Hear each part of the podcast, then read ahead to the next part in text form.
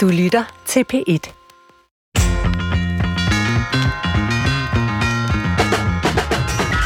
Hvad sker der, når man får medicin mod sine psykiske lidelser?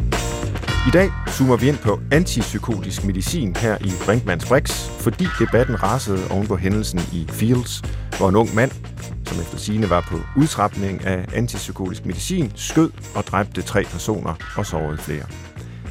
Men hvilken rolle spiller antipsykotisk medicin i den psykiatriske behandling som sådan? Hvor godt virker det? Hvor farligt er det? Og hvor farligt er det mon at droppe det? Velkommen til Brinkmanns Brix. Jeg må indrømme, at øh, det er lidt underligt, Christoffer Heide Højer til her på programmet, at vi ikke før har lavet et program om medicin mod psykiske lidelser. Vi har lavet mange udsendelser, men så vidt jeg kan huske, har vi ikke været direkte inde på det her før. Hvorfor ikke? Nu er det jo mig, der stiller spørgsmålene, Svend. Så Ja, men jeg, jeg får mere og mere journalistidentitet jo. Ja, det, det er flot. Men øhm, vi, har, ja, vi har snakket så uendelig meget om diagnoser, det har du også i øvrigt, Svend jo. Ja. Hvorfor øh, skal det på banen nu? Ja, altså, det er jo blevet en del af den offentlige samtale efter de her øh, forfærdelige drab i Field, som skete i sommer. Og øh, tanken er jo ikke, at vi skal ind i den konkrete øh, episode og, øh, og, og, og det, som den her gerningsmand har, har, har gjort, eller hvad han lider af. Men han havde faktisk lagt en video op på nettet inden, hvor han sagde, at øh, det her medicament, han tog, ikke virker, øh, og han havde formentlig været i behandling med sådan et antipsykotisk middel, og det kom altså til at præge diskussionen. Mm. Øh, og så er der en hel masse fordomme, dels om øh, mennesker, som har øh, sindslidelser, psykoser specifikt, og dels om den medicin, som øh, er en del af behandlingen. Så på den måde, øh, fordi sindene er blevet bragt i kog, så, øh, jamen, så er det jo eks, altså ekstra relevant at tage op øh, lige nu. Ikke? Og hvad er din holdning til, hvis vi tager det helt generelt, øh, medicin mod, eller for, eller til psykiske lidelser? Helt generelt? Ja. Ja, altså, jeg tror, jeg vil sige, at jeg er fuldstændig pragmatisk. Altså, hvis sådan nogle præparater hjælper mennesker til at få det bedre, og hvis øh, de gavnlige øh, virkninger, effekterne er større end bivirkningerne, jamen så synes jeg, det er glimrende at have som en del af øh, behandlingen. De kan nok ikke erstatte den menneskelige omsorg og, og hjælp, øh, psykoterapi og, og den slags, men, øh, men, men kan givetvis være gavnlige. Omvendt så skal vi selvfølgelig også tage alvorligt, øh, når de her præparater bliver udsat for øh, berettiget øh, kritik. Øh, nogle gange er, er bivirkningerne måske øh, værre end øh, de gavnlige effekter.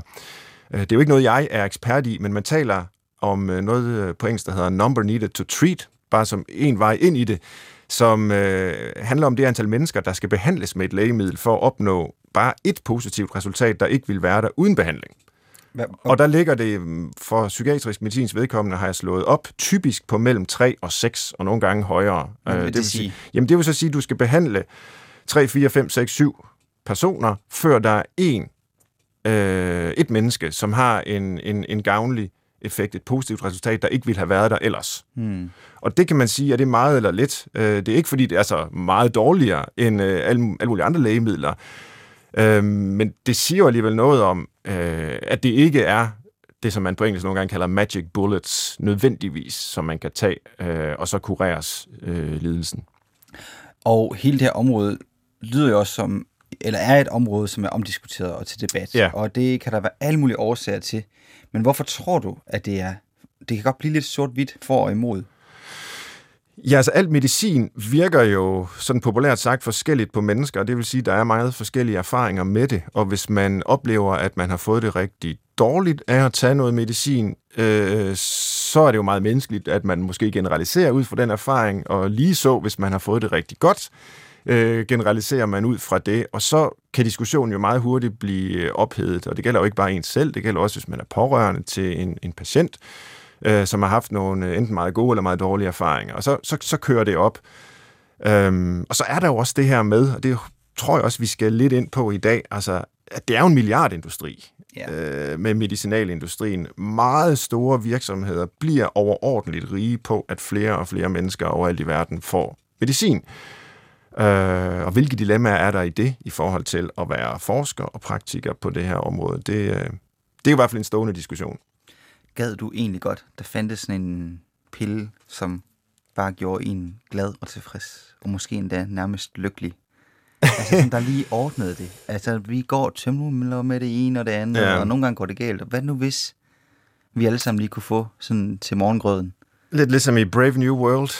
Ja, Aldous Huxleys gamle roman, der, der tager de sådan et præparat, jeg tror det hedder øh, Soma, mm. og så er de sådan en, øh, en, en form for lykketilstand hele tiden. Det interessante ved den bog er jo, at det faktisk er en dystopi, øh, fordi de bliver sådan lidt øh, bare lullet ind i en øh, indifferent tilstand, de her mennesker. Øh, så det, det synes jeg ikke ser særlig attraktivt ud. Øh, vi får aldrig sådan en pille. Det tror jeg godt, jeg kan Hvorfor tør ikke? sige. Jamen, fordi øh, hvor, altså, vores øh, hjerne, centralnervesystem, hele krop, vores øh, måde at være i verden på, vores relationer, er alt for komplekse til, at man kan gøre det på den måde. Men, øh, men jeg kunne rigtig godt tænke mig, at vi havde meget effektive præparater, for eksempel mod øh, bipolare lidelser, psykoser, alvorlige depressioner, som jo desværre kan ende med, at folk tager deres eget liv og andet. Øh, det håber jeg virkelig, vi får øh, mulighed for at behandle bedre, end vi kan i dag.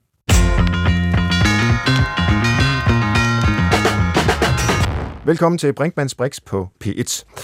Det er et svært emne, så det er godt, at vi har kompetente folk med som gæster. Øh, og så er der jo det med læger, fordi det er vores gæster i dag, at deres titler kan blive enormt lange.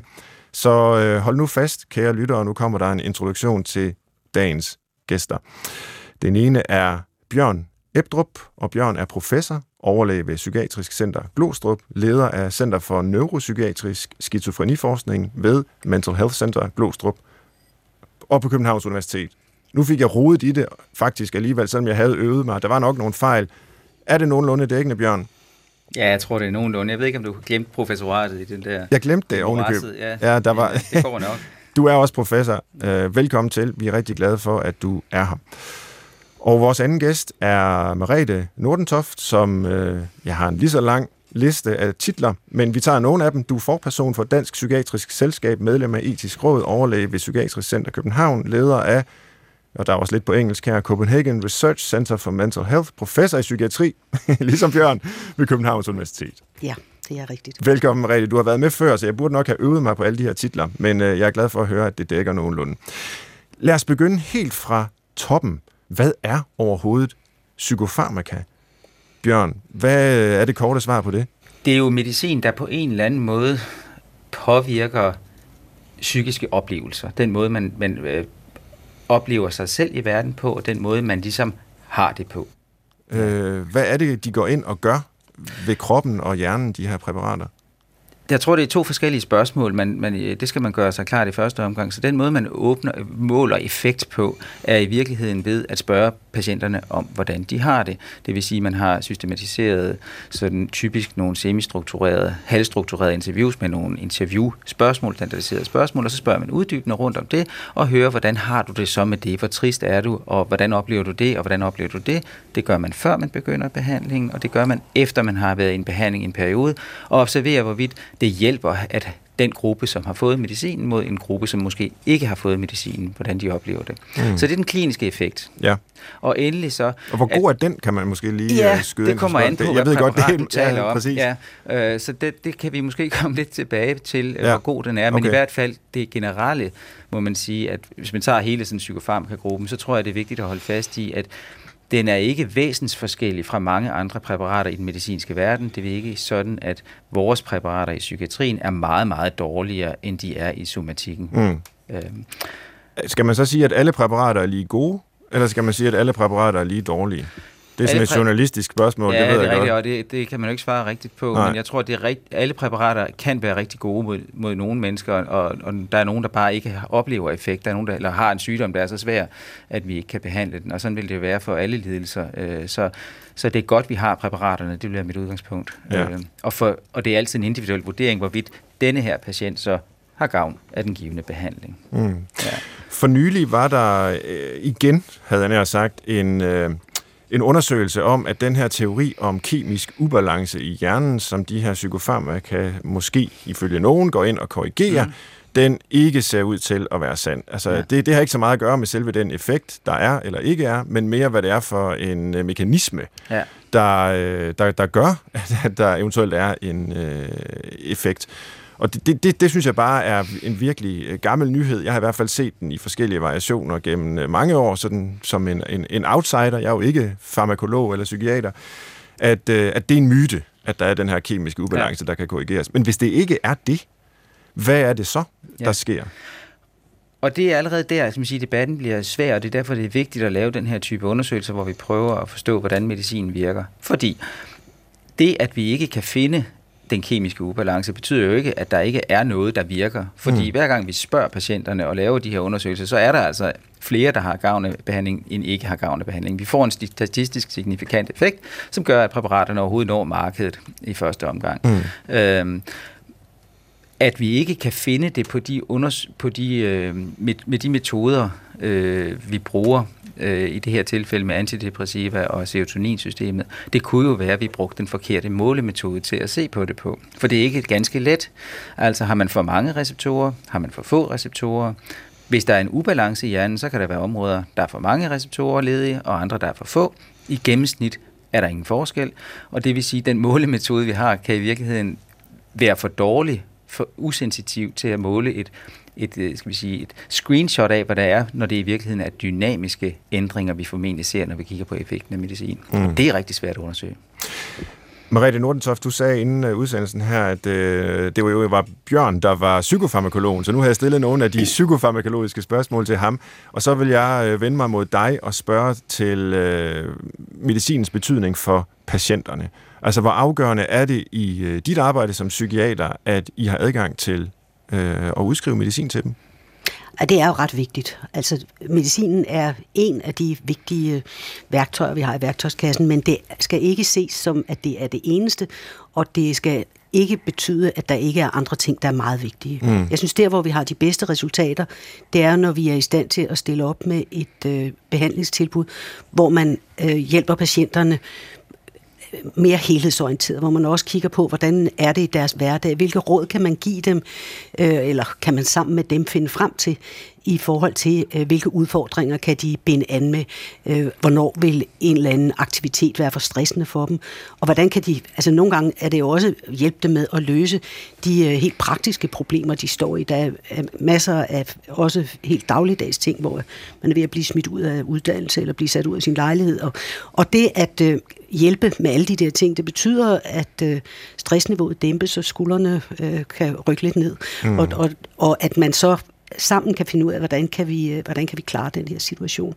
Og der er medicinen væsentlig øh, også. Øh, og det, jeg vil sige, der er jo nogen, der ikke vil have det.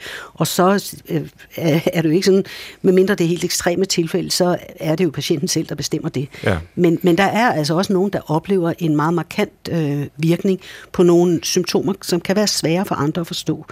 Og det er jo for eksempel øh, hallucinationer og vrangforestillinger. Det er jo det, som den antipsykotiske medicin er udviklet i forhold til.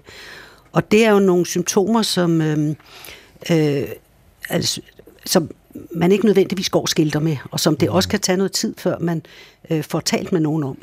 Så det at gå for eksempel og høre stemmer i lang tid, eller at øh, have tanker om, at folk kigger efter en på gaden, og der måske er nogen, der vil øh, ind noget ondt. Eller man har fået en særlig opgave, sådan en mission af en eller anden slags, hvor man skal øh, løse en opgave, som altså, når man nogle gange, når man får det forklaret, så kan det godt lyde, lyde sådan underligt usammenhængende, at man prøver på at at samle jorden fra fraktaler, eller sådan nogle begreber kan man, eller sådan nogle udtalelser kan man godt møde. Det at så kunne tilbyde medicin for det, det kan betyde, at noget af det her, det øh, falder til ro og bliver mindre fremtrædende. Det er ikke mirakelkur, som du allerede Nej. var inde på, men det kan øh, dæmpe det, og i nogle tilfælde for eksempel få hallucinationer til at gå væk. Og som du beskriver det der, så er medicin jo øh, blot et element i sådan en helhedsorienteret indsats, og, og sådan bør det selvfølgelig være. Men alligevel så det er jo så anekdotisk øh, erfaring, men, men så synes jeg tit, man hører folk sige, at, øh, at det kom til at stå alene. Er, er det noget, der sker?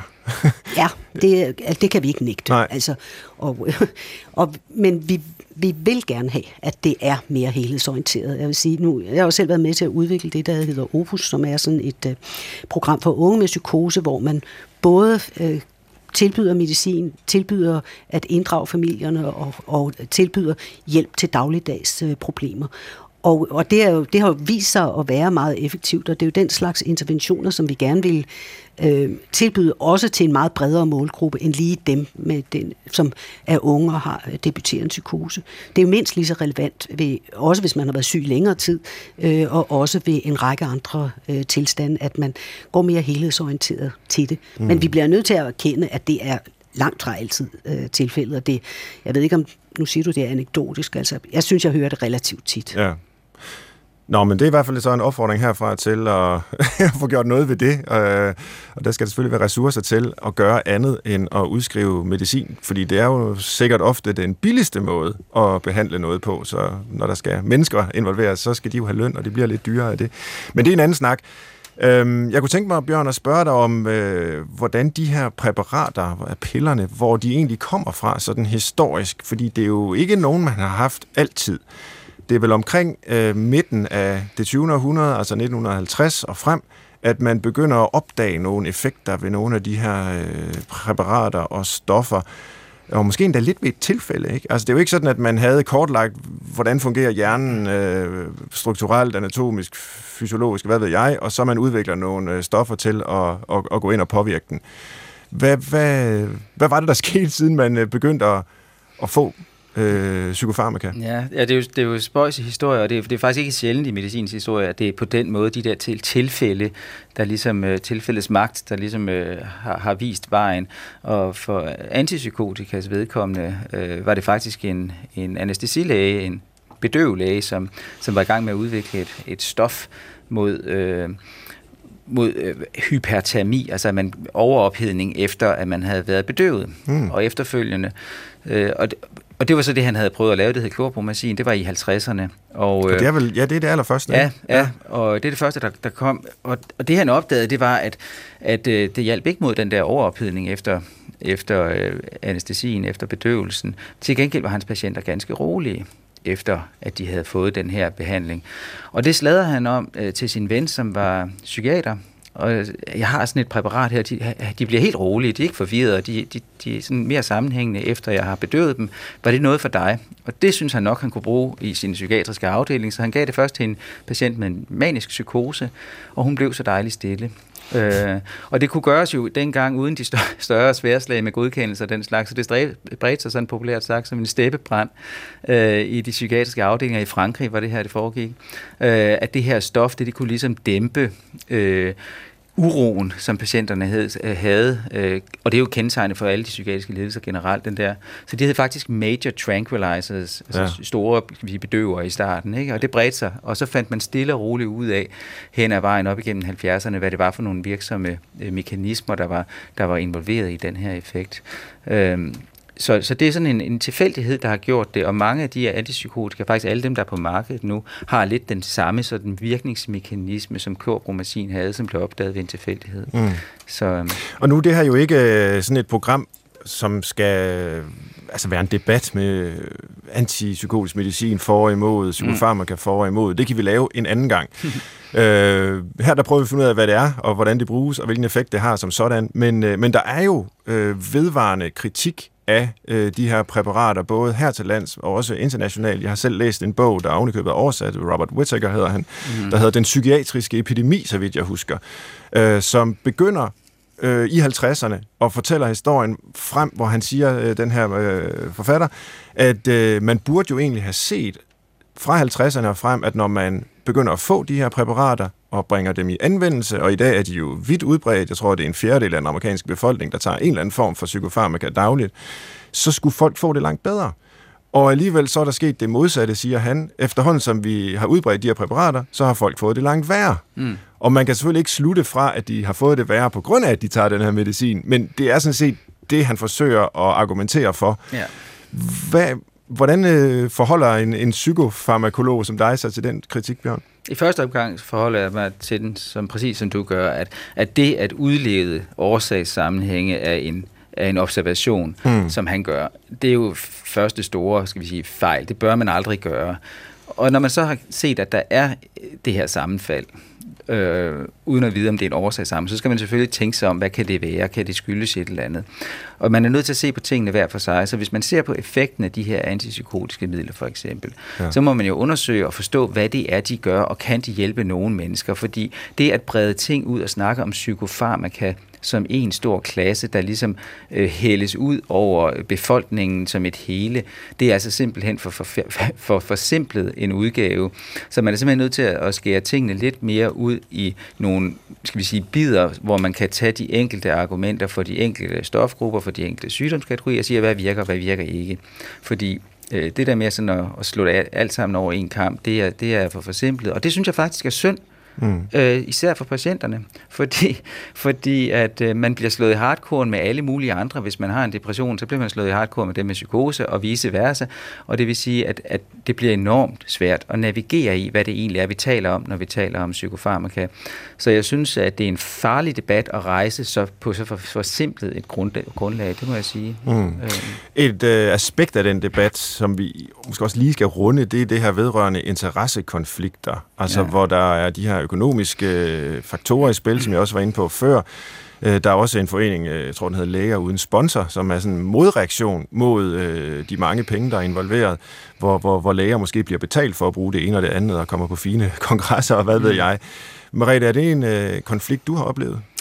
Ja, det er en konflikt, øh, og jeg, jeg tænker, at der har været en, øh, en positiv udvikling ved det, at øh, nu er man forpligtet til at øh, deklarere det, og at det bliver øh, tydeligt, om, om man har været sponsoreret af medicinindustrien eller ikke.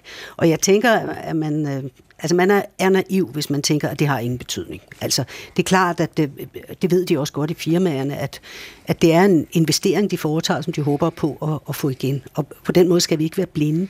På den anden side må man sige, at hvis ikke det havde været for øh, firmaerne, så havde vi ikke haft nogen præparater.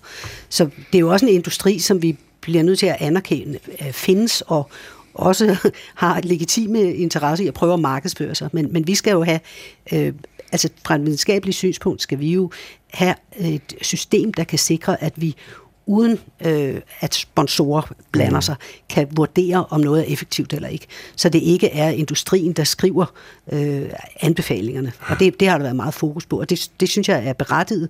Og jeg tænker, at, det, at vi har jo en, et system nu, som gør, at når der kommer anbefalinger fra Sundhedsstyrelsen, så kan vi godt stole på dem. Så er det ikke noget, der er blevet skrevet af et medicinalfirma. Mm. Hvordan forholder du dig til det, Bjørn? Jamen, øh, jeg er helt enig med Merete, at, at man er naiv, hvis man tror, det ikke betyder noget, men man er sandelig også naiv, hvis man tror, at man kan leve uden industrien.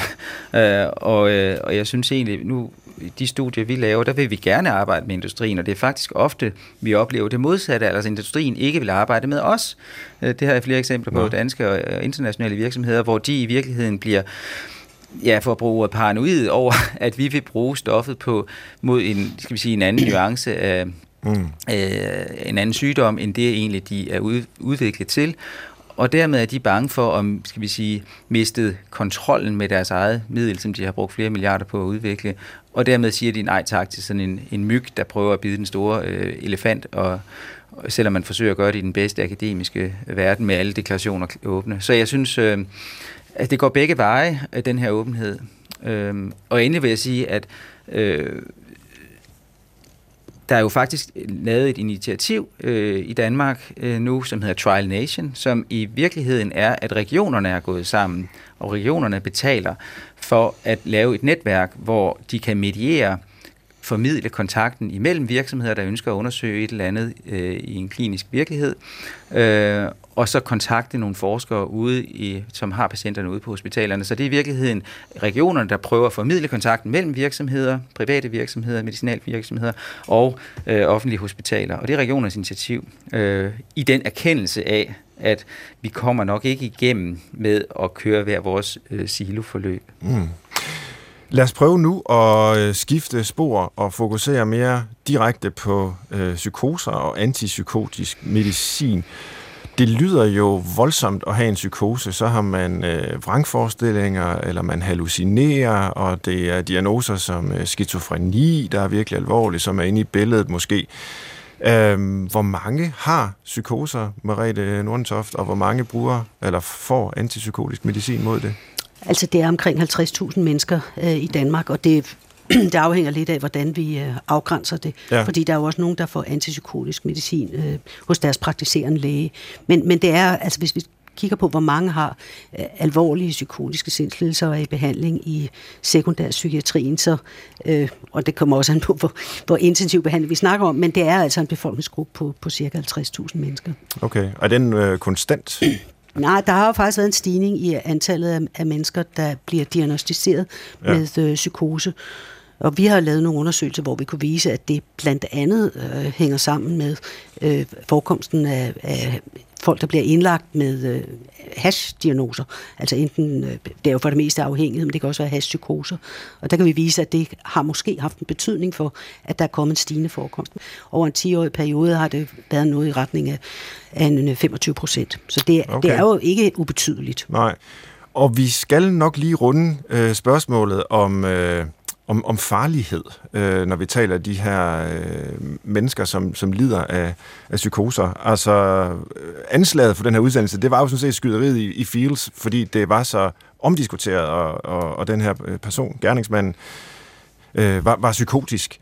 Men øh, Marie, jeg ved, du, du øh, har sådan temmelig øh, håndfaste både holdninger, men også øh, hvad kan man sige, data på, at det er heldigvis meget, meget sjældent, at mennesker med psykose øh, med, med psykoser er farlige. Ja, altså jeg synes, når vi snakker om det, det er vigtigt at snakke om, fordi Ja. det er et problem. Ja. Men det er også vigtigt at understrege, også i forhold til alle de mennesker, øh, der lider af, øh, der har psykotiske lidelser, at de aller, aller fleste er altså ikke farlige. Mm. Og at vi skal ikke have et eller andet lighedstegn mellem øh, øh, at have en psykose og så at øh, være øh, er farlig gerningsmand. Så det, det, det synes jeg er væsentligt.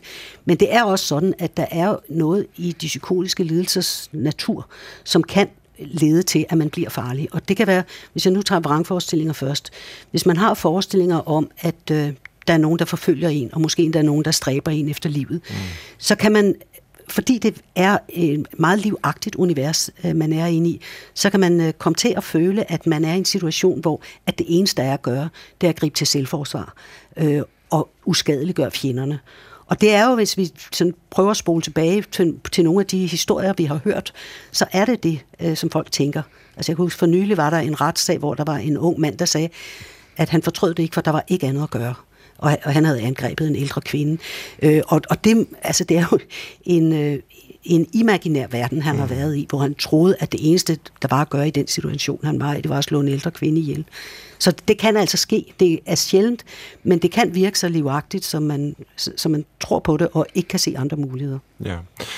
Og det kan jo så øh, ja, være en virkelig skadelig øh, konsekvens af, af en psykose, øh, som medicin forhåbentlig kan hjælpe mod. Men Bjørn, jeg tænkte på, kan du øh, rise op, hvad der er af både effekter og måske også bivirkninger ved medicin? Fordi det er jo sådan en øh, kongstanke, når man udvikler præparater, at øh, de gavnlige effekter selvfølgelig gerne skulle overstige de eventuelle bivirkninger, der jo er ved, ved al medicin, plejer mm. man at sige, og selvfølgelig også ved alle former for psykofarmaka.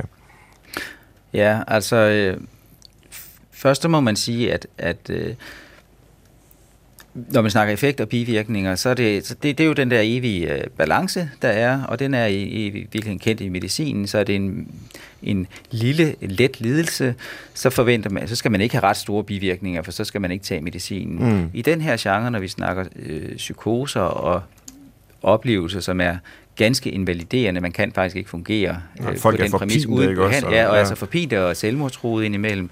Øh, så skal vi jo tænke det som alvorlig lidelse, og dermed Mm. så er, er, kan man sige, kan man, kan man blive nødt til at acceptere et højere niveau af bivirkninger, end man ellers ville. Så det her, det er ikke bolcher, vi taler om. Det er alvorlig medicin mod alvorlige lidelser, som også har alvorlige bivirkninger. Så det er ikke nogen gratis omgang.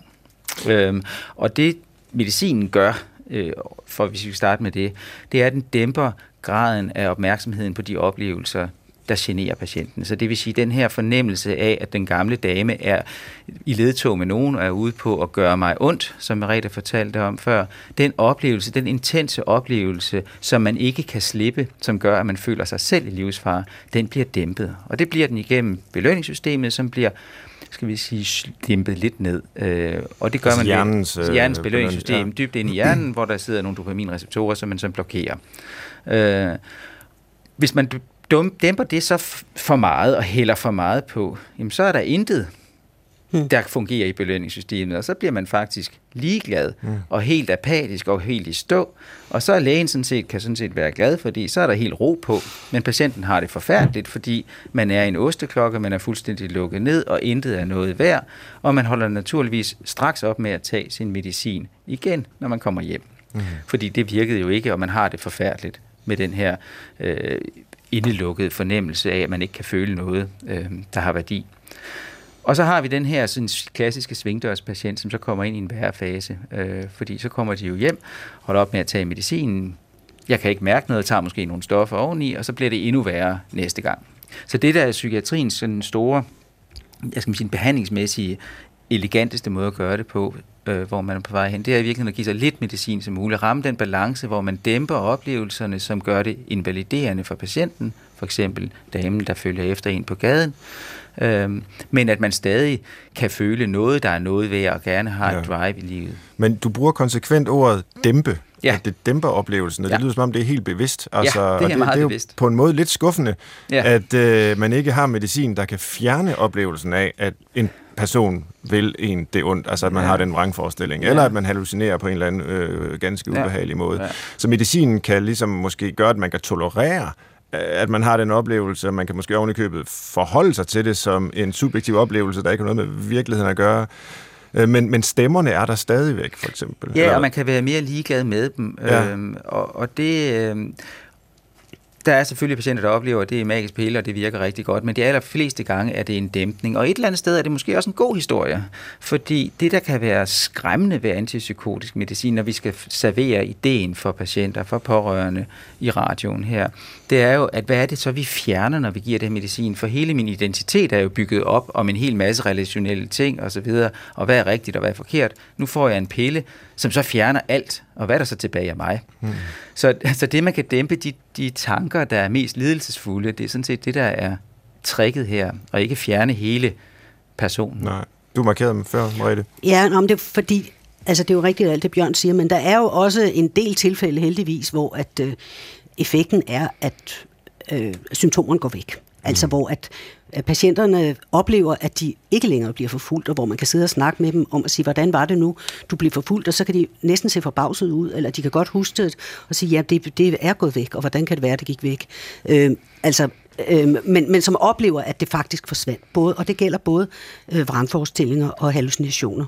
Og så er der også en gruppe, som... Øh, nu taler vi lidt om det som om, at man skal have medicin altid. Og der er jo en, øh, en, altså temmelig mange, som holder op med at tage medicin, som Bjørn sagde, og, og nogen får så øh, symptomer igen, men der er også nogen, der ikke gør. Og altså, vi har lavet nogle langtidsundersøgelser, hvor vi kan se, at det er 20-25 procent, øh, som når vi undersøger dem på lang sigt, så er det faktisk gået godt, det der med at holde op med at tage medicin, selvom man har fået stillet en skizofrenidiagnose.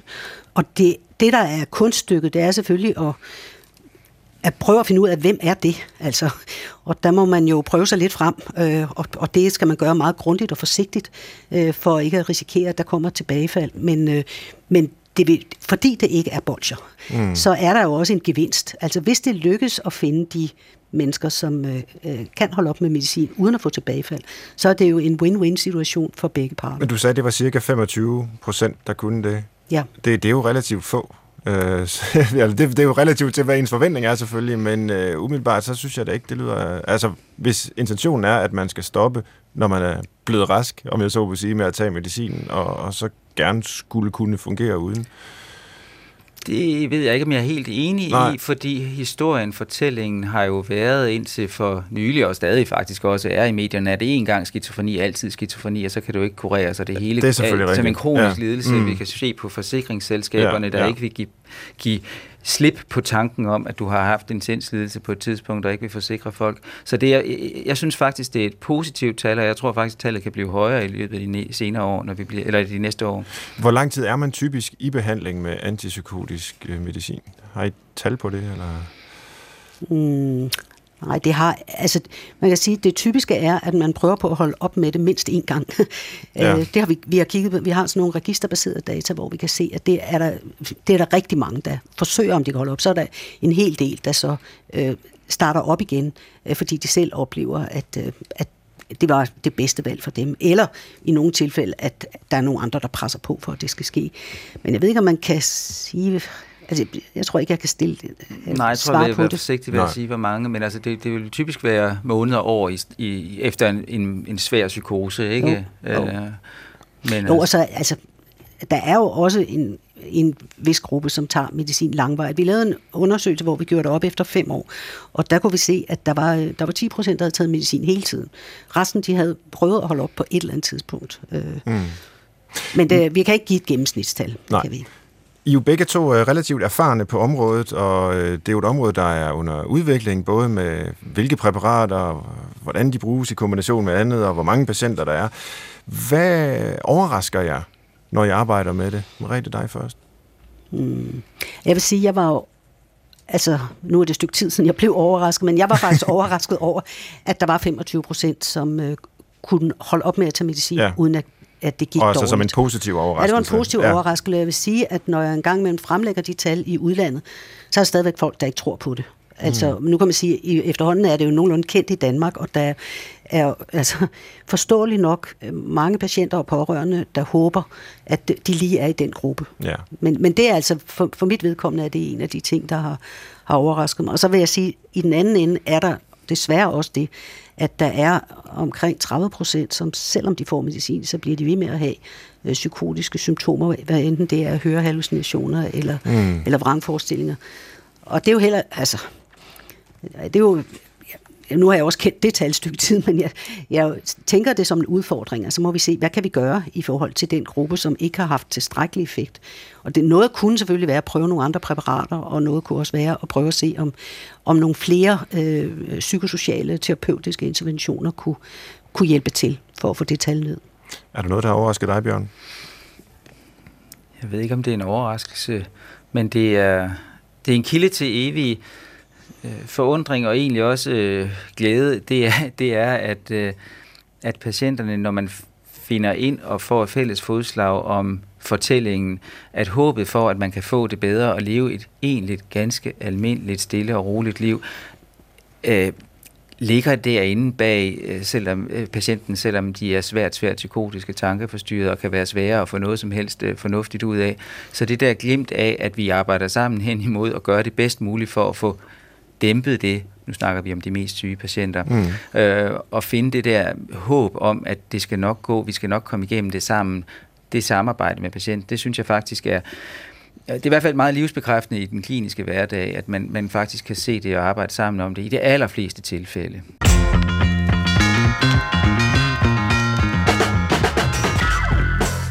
Du lytter til Brinkmanns Brix på P1, i dag med professor og overlæge ved Psykiatrisk Center Glostrup, Bjørn Ebdrup, samt forperson for Dansk Psykiatrisk Selskab, øh, overlæge ved Psykiatrisk Center København, leder af Copenhagen Research Center for Mental Health, Merete Nordentoft. Vi har også tilrettelægger Christoffer Heide Højer med. Øh, du har ikke øh, helt så mange titler, men du er dog både journalist og tilrettelægger. Er du blevet klogere på medicinen? Absolut, og jeg mm. synes jo faktisk, at det er både opløftende, at hver fjerde kan blive hjulpet helt, og virkelig også trist, at hver eller 30% slet ikke får nogen effekt. Det er, det er jo virkelig et, det er svært at blive klog på det område, hvis man er, selv, kommer ind med en psykose, tænker jeg. Men, hvordan trapper man ud? For det var også noget af det, den her feels øh, skyderi øh, øh, kom til at, at aflede af, af debat. Hvordan kommer man bedst muligt i gods øjne øh, videre, eller væk fra det psykiatriske system i et eller andet øh, omfang? Eller hvad, jeg ved ikke helt, hvilke ord jeg skal bruge, jeg kender ikke området så godt.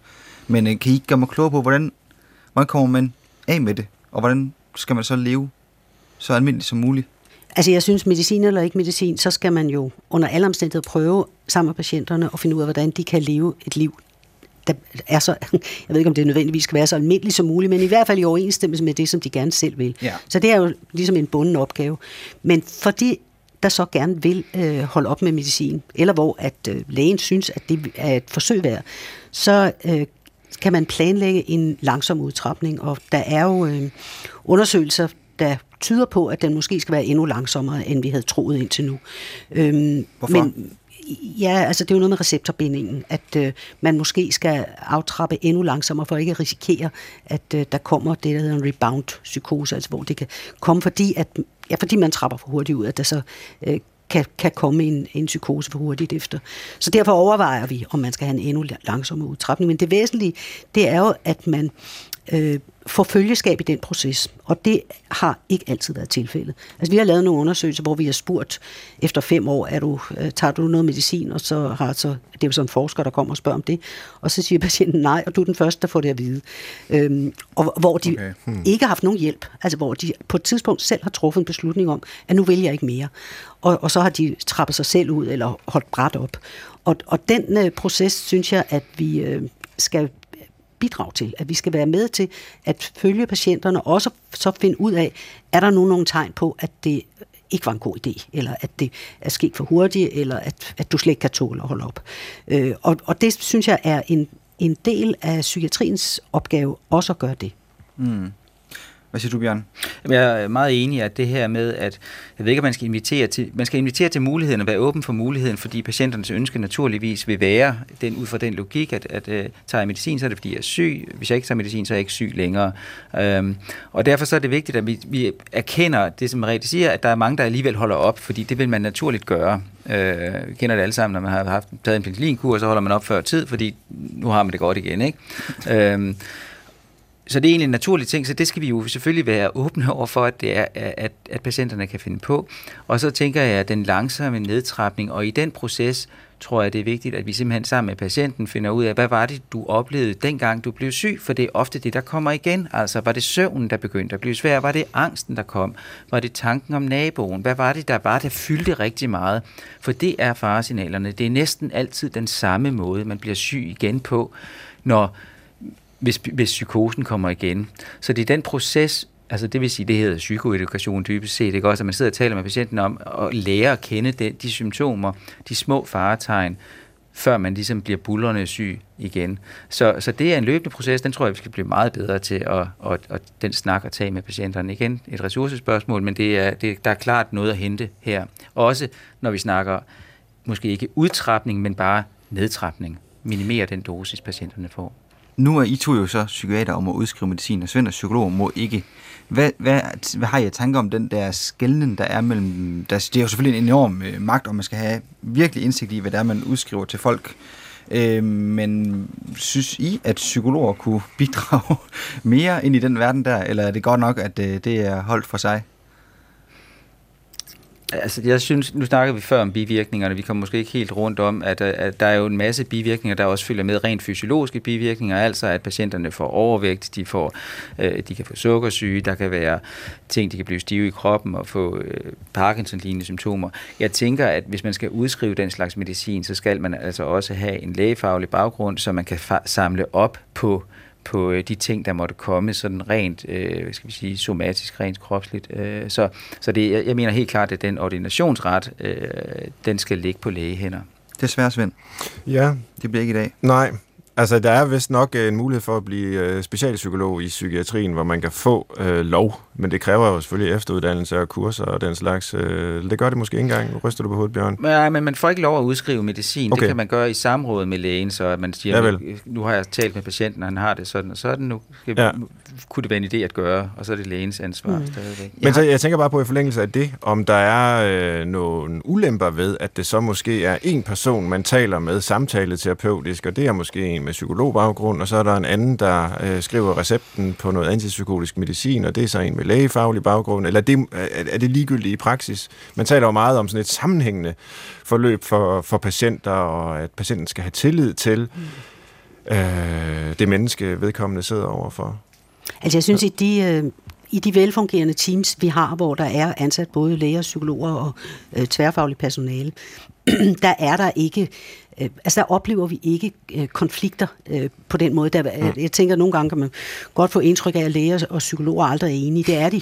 Altså i dagligdagen er der et meget stort øh, øh, samarbejde.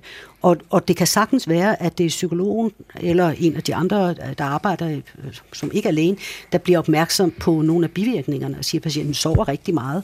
Øh, men så har man en tværfaglig konference, hvor man snakker om det. Og, og, men, men jeg er enig med Bjørn i, at øh, at selve ansvaret for at udskrive øh, pillerne, fordi de også er så voldsomme, altså, øh, øh så er det et lægeligt ansvar, som kræver, at man har indsigt i øh, øh, de potentielle bivirkninger og virkningsmekanismer. Men det betyder altså ikke, at der så er en, en konflikt mellem læger og psykologer. Mm. Uh, mit sidste spørgsmål, det er, um, vil I tage dem selv? Og det er jo ikke fordi, at øh, jeg prøver piller i munden på jer, men det var mere den der med, at man nogle gange har hørt det her med, man skal, man skal vide, hvad det er, man putter i munden på folk, så derfor burde øh, psykiater også vide, hvad det er, hvor voldsomme ting det er, de, de giver folk. Altså den der debat, jeg ved ikke, om det er en debat, I overhovedet det gider det involvere jer i, men kan I forstå spørgsmålet? Jeg kan sagtens forstå spørgsmålet, og øh, jeg har også tit fået det stillet af patienter, at det skulle du bare selv tage, øh, det her medicin, øh, så ved du, hvad der, hvordan det virker. Problemet er jo nok grundlæggende, at de oplevelser, øh, som ligger til grund for, at man overhovedet giver medicinen, øh, det giver ikke meget mening at tage noget medicin, hvis, hvis de oplever ikke, oplevelser ikke deles. Du giver heller ikke, prøver ikke noget hjertemedicin for sjov, øh, bare fordi, at du skal prøve den medicin, mm. øh, hvis du ikke har det hjerteproblem. Så, så man kan sige, hvis, hvis man endelig skulle prøve medicin, så skulle det også være, fordi man kom i en situation, hvor, hvor man havde skal man sige, behov for det, vil jeg umiddelbart tænke. Det mm. vi typisk ser, for eksempel hvis patienter ikke er psykotiske og har fået medicin eller taget den i anden sammenhæng, øh, det er jo også, at de bliver svært pladet af bivirkninger, men får ikke nogen som sådan effekt. Man bliver mm. heller ikke lykkelig af til lykkepiller. Øh. Men, men læger og psykiater kan jo også godt få øh, psykiske lidelser selvfølgelig, så hvis I nu havde en psykose, vil I så tage det? Altså det kan jeg godt svare på i hvert fald, fordi det, det er jeg sådan set ikke i tvivl om, hvis jeg også kunne skrive et, øh, et forhåndstestamente, mm. at, øh, at så vil jeg gøre det, fordi jeg tænker, at det vil være så... Altså konsekvenserne af at have en ubehandlet psykose, dem vil jeg ikke udsætte hverken mig selv eller mine pårørende øh, for. Mm. Og jeg er også i en situation, hvor jeg øh, vil sige, at der er, altså hvis det var folk i min familie, så ville jeg heller ikke tøve med at anbefale det, hvis de fik en psykose. Og det er der nogen, der har haft i min familie, skal jeg så hilse at sige. Mm. Jeg kunne tænke mig, at vi her mod øh, slutningen prøvede at kigge lidt øh, frem, og det er jo altid lidt svært at vide, hvad der er på vej, men jeg kunne da tænke mig at spørge om, øh, og det er måske primært så til dig, Bjørn, øh, om, om der er gennembrud på vej. Øh, fordi så kan man, vi kan jo sådan diskutere lidt, er, er, det, er det positivt med de effekter, der findes nu, øh, eller, eller er det skuffende og, og så videre, men er der nye præparater, nye behandlingsmetoder undervejs, som vi kan glæde os til på psykoseområdet? Der er en masse håb, en masse teoretiske håb om, at der er andet end dopaminreceptorer, som er involveret i psykose. Mm. Øh, de konkrete præparater, hvad der er på vej, det er desværre ikke lige om hjørnet, men der er en masse forsøg i gang på forskellige niveauer, både øh, skal vi sige, øh, det du kalder præklinisk, altså i, i dyr, øh, og så øh, og, og nogle begyndende sådan nogle dosisstudie, der viser nogle måske positive resultater, men der er ikke noget lige sådan på vej til at blive blive introduceret som et ny øh, blockbuster, Nej. et nyt middel, desværre. Der er et stort problem i, at industrien jo faktisk har trukket sig øh, rigtig meget fra øh, at udvikle nye øh, medikaminer mod øh, psykiske lidelser, fordi der har været, simpelthen været for få succeser til, det har kunne betale sig. Øh, mm. Så det er faktisk også et problem, at industrien i den grad har trukket sig. Øh, de er heldigvis begyndt at komme lidt tilbage. Øh, men det store sådan... Øh, vidundermiddel er ikke på vej. Der er nogle lovende takter i noget, der ikke har med medicin at gøre, men med andre behandlingsformer. Øh, jeg ved, Merete har noget med virtual reality-behandling at gøre. Der er en masse omkring magnetisk, øh, øh, noget, der hedder transmagnetisk, øh, hvad hedder det, magnetstimulation på hjernen. Mm-hmm. Der er forskellige sådan ikke farmakologiske, ikke piller ja. øh, mod forskellige lidelser på vej. Så jeg tror i virkeligheden, feltet er på vej til at brede sig også øh, ud til andre øh, domæner, som ikke nødvendigvis har med piller at gøre. Nej, nej. Men det er, øh, altså når man går tilbage til 50'erne og 60'erne og læser de der øh, tidlige analyser af, hvad der nu ville ske med, med Magic Bullet, ja. altså den her snuptagsløsning, der var jo enorme forventninger til, ja. hvad effekten ville være af de her præparater. Og der er det nok fair, nu må jeg jo så modsige mig, men jeg synes måske, det er fair at konkludere, at det ikke er helt blevet indløst. Og siden da er vi jo endda blevet ekstremt meget klogere på, hvordan hjernen fungerer. Og øh, det er måske en urimelig sammenligning, men vi så jo med corona, hvordan det i løbet af meget kort tid lykkedes både, ja selvfølgelig at udvikle vacciner, men jo altså også øh, langt bedre behandlingsmetoder, når man var syg med covid, end man havde i udgangspunktet. Vi ved, at Øh, skizofreni, psykoser, det er en af de mest omkostningstunge øh, lidelser, vi overhovedet har. Plus, at det selvfølgelig er enormt lidelsesfuldt for øh, patienterne. Så hvorfor i alverden er der ikke større fremskridt på det område? Jeg ved ikke, om man kan svare på det, Mariette. Du. Har du et bud? Nej, altså udover det, som Bjørn allerede har sagt, altså, jeg vil sige, der er jo dog et område, som vi øh, forsker i, øh, og det er jo betydningen af inflammation, altså ja. betændelsesreaktioner. Og der er der jo produkter, som har været brugt i lang tid til øh, for andre lidelser, hvor man dæmper de betændelsesreaktioner, som kroppen har. Og, og det bliver jo så afprøvet både i forhold til øh, øh, lidelser i det affektive spektrum, altså øh, depression først og fremmest, øh, og også øh, ved psykotiske symptomer. Og der kommer der jo indimellem nogle, nogle positive resultater, men det er slet ikke på et niveau, hvor vi nu kan sige, at nu skal man både have antipsykotisk medicin og, og en eller anden form for antiinflammatorisk øh, virkende øh, medicin. Men det er dog et, det er dog et, nyt, et nyt område, øh, mm-hmm. hvor at vi måske kan finde nogle øh, øh, en, nogen form for gennembrud.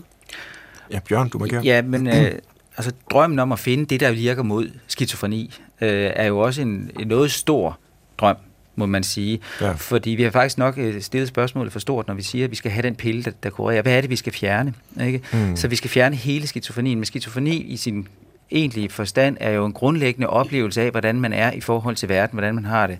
Så vi er nødt til at skære den sygdom ud i nogle mere målbare og skal man sige, operationelle enheder, hvor vi kan se, at der er et hallucinatorisk område, der er noget med vrangforestillinger, der er noget med angst osv., og så se på, hvordan vi kan dæmpe de områder. Tanken om, at vi kan finde en pille, der kan hjælpe mod det hele, øh, mener jeg faktisk er forfejlet. Så det er en mere raffineret øh, syn, jeg, jeg tror, vi kommer til at se fremover på behandlingen. Et meget mere sådan individuelt, øh, hvad er det i virkeligheden, du har problemer med, og hvordan hjælper vi dig, i stedet for at tro, nu har vi pillen mod sådan det der øh, store net, man fanger, når man siger, nu har du en skizofreni. Øh, ja. Øh, det er meget mere nuanceret. Så jeg tror, vi skal væbne os med ydmyghed.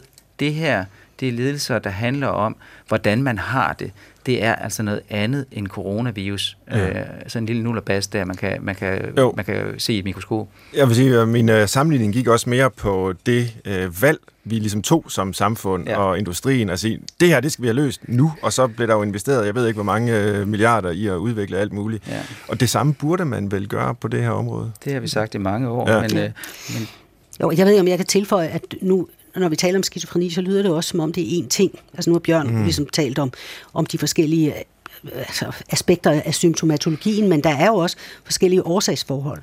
Og hvis vi bliver klogere på det, så kan det også godt være, at vi kan finde noget, der er i højere grad målrettet og virksomt, hvis vi, hvis vi bliver klogere på det. Og der er jo både øh, miljømæssige forhold, øh, traumer i løbet af barndommen, og øh, øh, genetiske forhold og så, så måske også nogle øh, forskellige typer biologisk påvirkning, øh, både under graviditet og opvækst, og også når man bliver voksen. Hvis vi mødes igen om 10 år og laver en opfølgende samtale, tror du så, Merete, at der er flere eller færre, der, øh, ja, vi kan sige, både har øh, psykotiske symptomer og er i behandling med antipsykotisk medicin?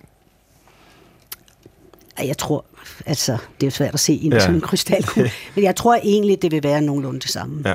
Jeg, jeg kunne håbe, at der var kommet en nuancering og differentiering med forskellige behandlingsmuligheder, øh, så, man, så der måske var nogen, der kunne få noget, der virkede bedre end antipsykotisk medicin, men, men grundlæggende tror jeg, at det, det tager altså sin tid, og selv 10 år vil hurtigt gå.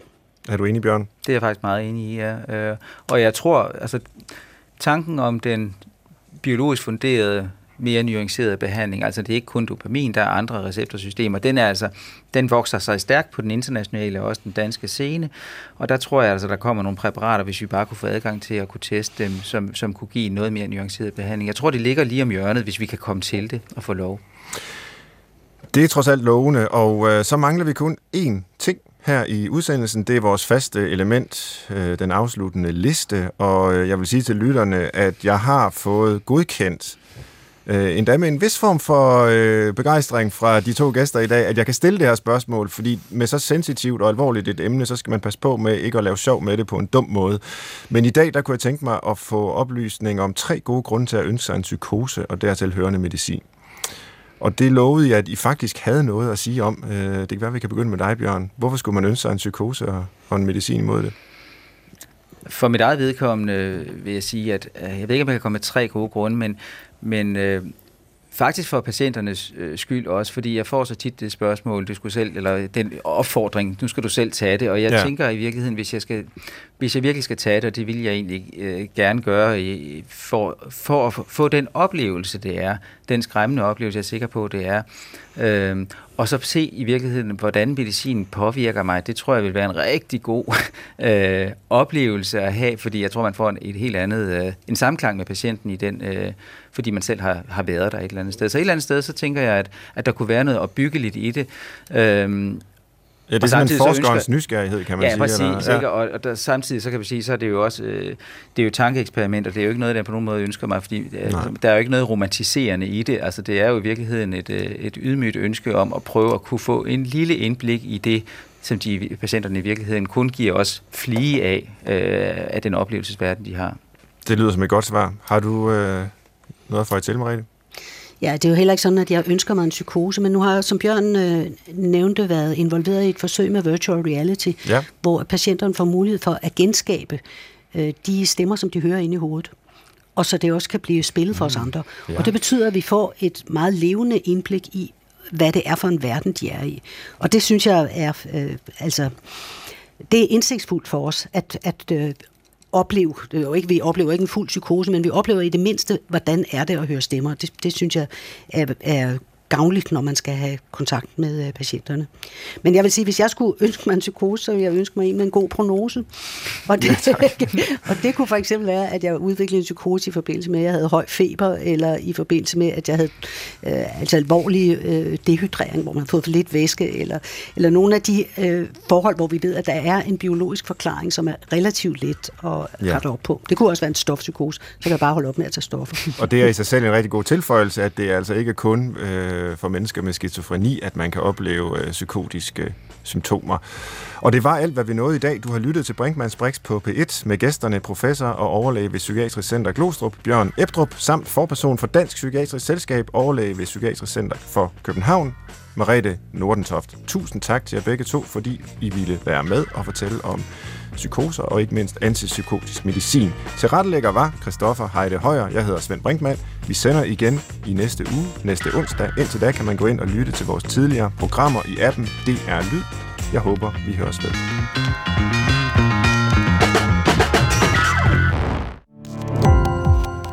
Gå på opdagelse i alle DR's podcast og radioprogrammer. I appen DR Lyd.